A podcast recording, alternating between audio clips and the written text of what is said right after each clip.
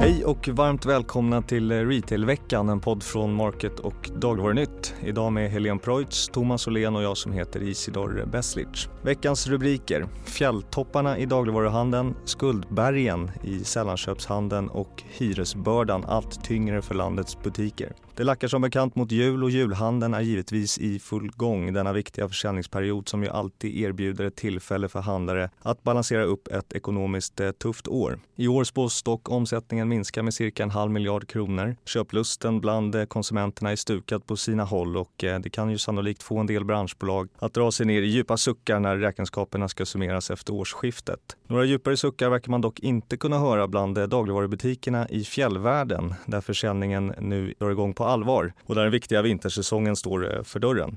I en stor kartläggning på dagligvaru.se signerad Thomas Åhlén har vi i veckan jagat rätt på samtliga nyckeltal bland butikerna i de svenska fjällen. Och det verkar som att fjällhandeln summerar ännu ett gott år, eller vad säger du Thomas? Ja, men det stämmer Isidor. Fjällbutikerna mm, hade det ju tufft eh, i samband med eh, pandemin när eh, anläggningar som stängdes där lagom till påsk 2020. Men sen har man gjort en remarkabel återkomst, man säger. Två år i rad har tillväxten legat på över 15 procent totalt sett. Så att Fjällen har haft en väldigt stark utveckling nu under eh, två räkenskapsår på raken och eh, mycket tyder väl på att även den här vintern blir bra för de här butikerna som säljer dagligvaror. Ja, en tillväxttakt alltså på 15 procent eh, två år i rad.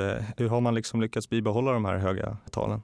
Det som mäter man sig mot relativt svaga tal då från säsongen som slutade i april då 2020, så det är ju en förklaring. Men det är tydligt att fjällen har en stark attraktionskraft. Nu kan man ju tänka att eh, det är tuffare för många hushåll att åka dit under jul och nyår, sportlov och påsklov med tanke på ekonomiska läget i Sverige. Men det som till stor del räddar upp de svenska fjällen, framförallt butikerna i södra Sverige och om man tar Dalarna, möjligen en bit upp i Jämtland, Härjedalen, är ju det stora inflödet av danska gäster. Jag såg häromdagen kom Skistar med sin rapport och eh, var en eh, rejäl dansk ökning, ungefär 30 procent jämfört med året innan. Och de står för en väldigt stor del av turismen i framförallt Dalarna och i delvis då Jämtland, Härjedalen också. Och det brukar ju också vara en ganska tuff kamp mellan två butiker i toppen på den här listan. Eh, ser det likadant ut i år? Ja, men det gör ju det. Eh, Ica Supermarket i år är ju största butiksbolaget i den här granskningen och senaste åren har de fått en tuff konkurrent i Sälenområdet. Ica Nära i Lindvallen blev Ica Supermarket och den butiken eh, flyttade till ett nytt läge och byggdes ut och haft en väldigt fin utveckling. Men eh, senaste vintern så vann eh, Åre över Sälen och vi får väl se inför kommande säsong, eller den som håller på att starta nu då, om det blir någon förändring i toppen. Och i övrigt så är det ju väldigt mycket ICA eh, just i, i toppen på listan eh, om man räknar då efter omsättning. Det verkar som att man har en ganska stark position just på den här marknaden. Ja, verkligen. Eh, många av de här butikerna drivs ju bara del av året så att säga. Under vintersäsongen så fortfarande är den stora perioden i Sälenfjällen. Men vi får se lite grann vad som händer framöver här. Det som inte finns med i den här redovisningen är förstås Coop-butiker eftersom de butikerna inte drivs i enskilda bolag utan i en regional eller en lokal förening. Då. Nu bryter ju Coop in eh, lite grann i fjällen. Bland annat så öppnas ju en butik i början av 2024 i, i Vemdalen och det kommer möjligen att påverka då ICA-butikerna på de orterna, att det blir eh, tuffare att försvara försäljningen. Bokningsläget var ju som du eh, sa här tidigare, det ser starkt ut i år. Eh, vad, vad säger handlarna och vad tror de om, om den här vintersäsongen? Nej, men handlarna är optimistiska eh, nu när den har kommit igång på allvar nu julveckan här då. Och det är mycket tack vare framförallt danska turister som kommer i väsentligt större skaror än tidigare. Men jag såg också i Skistars rapport att de från ganska låga nivåer då lockar fler britter och holländare och tyskar till de svenska fjällen. Och eh, tittar man på den svenska publiken så är det naturligtvis betydligt dyrare att åka ner till Alperna och åka skidor där en vecka med tanke på hur svag den svenska kronan har varit under ganska lång tid. Nu har den ju stärkts på sistone här, men det kanske är så att de som egentligen föredrar Alperna kan stå ut med inom citattecken att åka till Åre eller till eh, Sälen under en vintersäsong, vilket håller bokningarna uppe och också försäljningen då för detaljhandeln. Ja, det verkar som att man har gjort en, eh, en storartad comeback här efter att alla pandemirestriktioner släppte och eh, turisterna hittar ju som sagt nu eh, mera tillbaka till fjällen. Det finns dock en hel del bolag som inte har kunnat lämna pandemin eh, helt bakom sig och eh, det för oss in på vårt nästa ämne. I en exklusiv granskning kan eh, Market och reporter Helene Preutz eh, i veckan presentera en omfattande lista över alla detaljister som fortfarande dras med skatteskulder sedan de eh, tillfälliga anstånden klubbades igenom 2020. Helene, det här är en diger lista och flera av bolagen sitter ju på mångmiljonskulder till eh, Skatteverket. Dessutom har ju summan växt rätt så kraftigt sen vi granskade siffrorna senast i februari 2021. Eh, hur ser utvecklingen ut? Ja, vi gjorde ju samma granskning som sagt 2021 och eh, då var det ett 90-tal företag som hade kvarstående anstånd på minst 10 miljoner kronor. Och när vi tittar i år i slutet på november så har antalet sjunkit till 57 bolag men deras skulder är då desto större. Och sammanlagt hade handelns skuldberg då vuxit till 4 miljarder kronor. Om vi tittar på listan, eh, är det några bolag som, som sticker ut? Ja, av de här 57 då så är det några stycken som sticker ut ganska så rejält. Framförallt så är det då Åhlén som har en obetald skatteskuld på nästan 800 miljoner kronor. Så de är klart den största skulden, med en dubbelt så mycket som eh, tvåan och trean på listan. Kan man säga något om liksom spridningen av branscher och eh, finns det bolag lite här och varifrån eller hur ser det ut? Alltså det är ganska gott och blandat om man tittar på den här. Det är nästan bara sällanköp på den här listan då som vi har tittat på med eh, skulder på över 10 miljoner kronor. En och annan dagligvaruhandlare.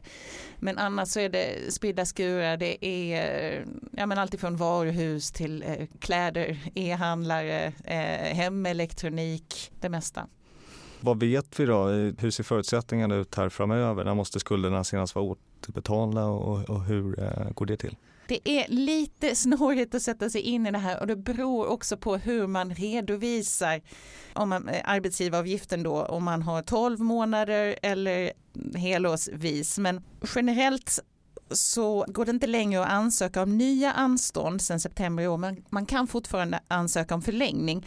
Och det betyder då att företag med månads eller kvartalsredovisning måste ha betalat tillbaka hela skulden i september 2027. Har man helårsredovisning har man lite längre tid på sig då kan man betala tillbaka i januari 2028 och därefter då så kan man ansöka om en avbetalningsplan på max tre år. Det är viktigt att komma ihåg här och flera av bolagen som vi har varit i kontakt med i den här granskningen understryker också detta att det, det är liksom helt i linje med Skatteverkets regler att ha en stor skatteskuld så länge den betalas tillbaka i tid. Om man inte gör det då riskerar man att hamna hos Kronofogden vilket i sin tur ökar risken för konkurs. Just det, och sen har du också pratat med eh, Svensk Handel, branschorganisationen, om eh, den här eh, om skulderna helt enkelt. Och vad säger de om, om utvecklingen? Alltså, de är oroade och de konstaterar framförallt att vi befinner oss i en väldigt problematisk situation som ingen hade kunnat förutse när det här startade.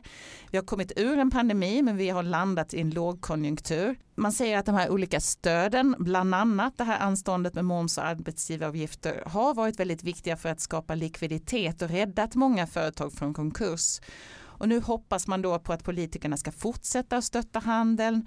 Man uttrycker framförallt tre krav som vi har hört ganska många gånger. Dels att fortsätta kampen för att få ner inflationen, stärka hushållens köpkraft och man vill även att man sänker skatten på arbetsgivaravgiften. Några förslag där från eh, Svensk Handel och då återstår att se då om eh, bolagen lyckas minska sina skuldmassor. Och för den som är mer intresserad av att läsa om skuldzonerna skuldsummorna så finns den här granskningen som sagt tillgänglig på market.se. En sak som handeln sannolikt dock inte kan påverka så himla mycket det är de stigande hyreskostnaderna. En ovälkommen julklapp väntar nämligen på andra sidan årsskiftet och det är den indexjusterade hyreshöjningen för kommersiella fastigheter. Den baserar baseras som bekant på KPI-siffran för oktober varje år. Och förra året summerades eh, den till drygt 11 procent. I år har siffran landat på 6,5 procent.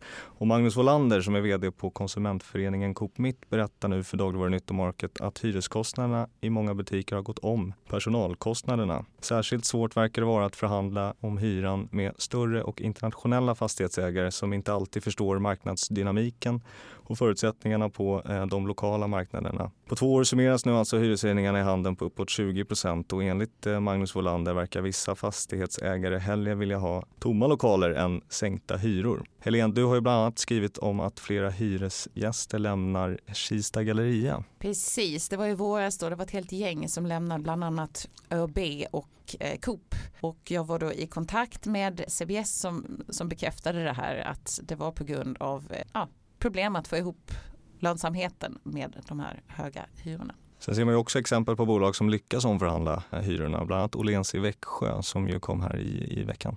Precis, där hade man ju faktiskt sagt upp avtalet med fastighetsägaren och skulle flytta ut till våren. Sen kom man överens, ganska så överraskande. Då hade, vi vet inte exakt summorna här, men fastighetsägaren hade ändå gått Åhléns till mötes och de lyckades enas om en sänkt hyra. Så nu blir Åhléns kvar i Växjö. Vad säger ni då? Tycker ni att det är dags att reformera systemet för eh, de här indexbaserade höjningarna? Vi har ju haft en analys bland annat på market.se med Ola Nevander där han argumenterar för att man kanske måste ändra eh, beräkningsmodellen. Thomas, vad tror du om det? Eh, jag tycker att det som Ola Nevander skrev om på market.se som du nämnde Isidor är oerhört intressant läsning och som du var inne på där Helene, när hyreskostnaden överstiger personalkostnaden då är det ju någonting som har blivit fundamentalt fel för en retailer. Det här är bara ytterligare en post som eh, tynger åtminstone dagligvaruhandeln där inköpspriserna har varit ökat väldigt mycket under matprisinflationen. Man har inte alls kunnat kompensera sig på grund av konkurrenssituationen och nu drabbas man av ytterligare en hyreshöjning som absolut inte har någon koppling till marknadsutvecklingen på något sätt. Så jag tycker att det som Ola Nevander för fram i sin eh, krönika på market.se är mycket, mycket läsvärd och tänkvärd.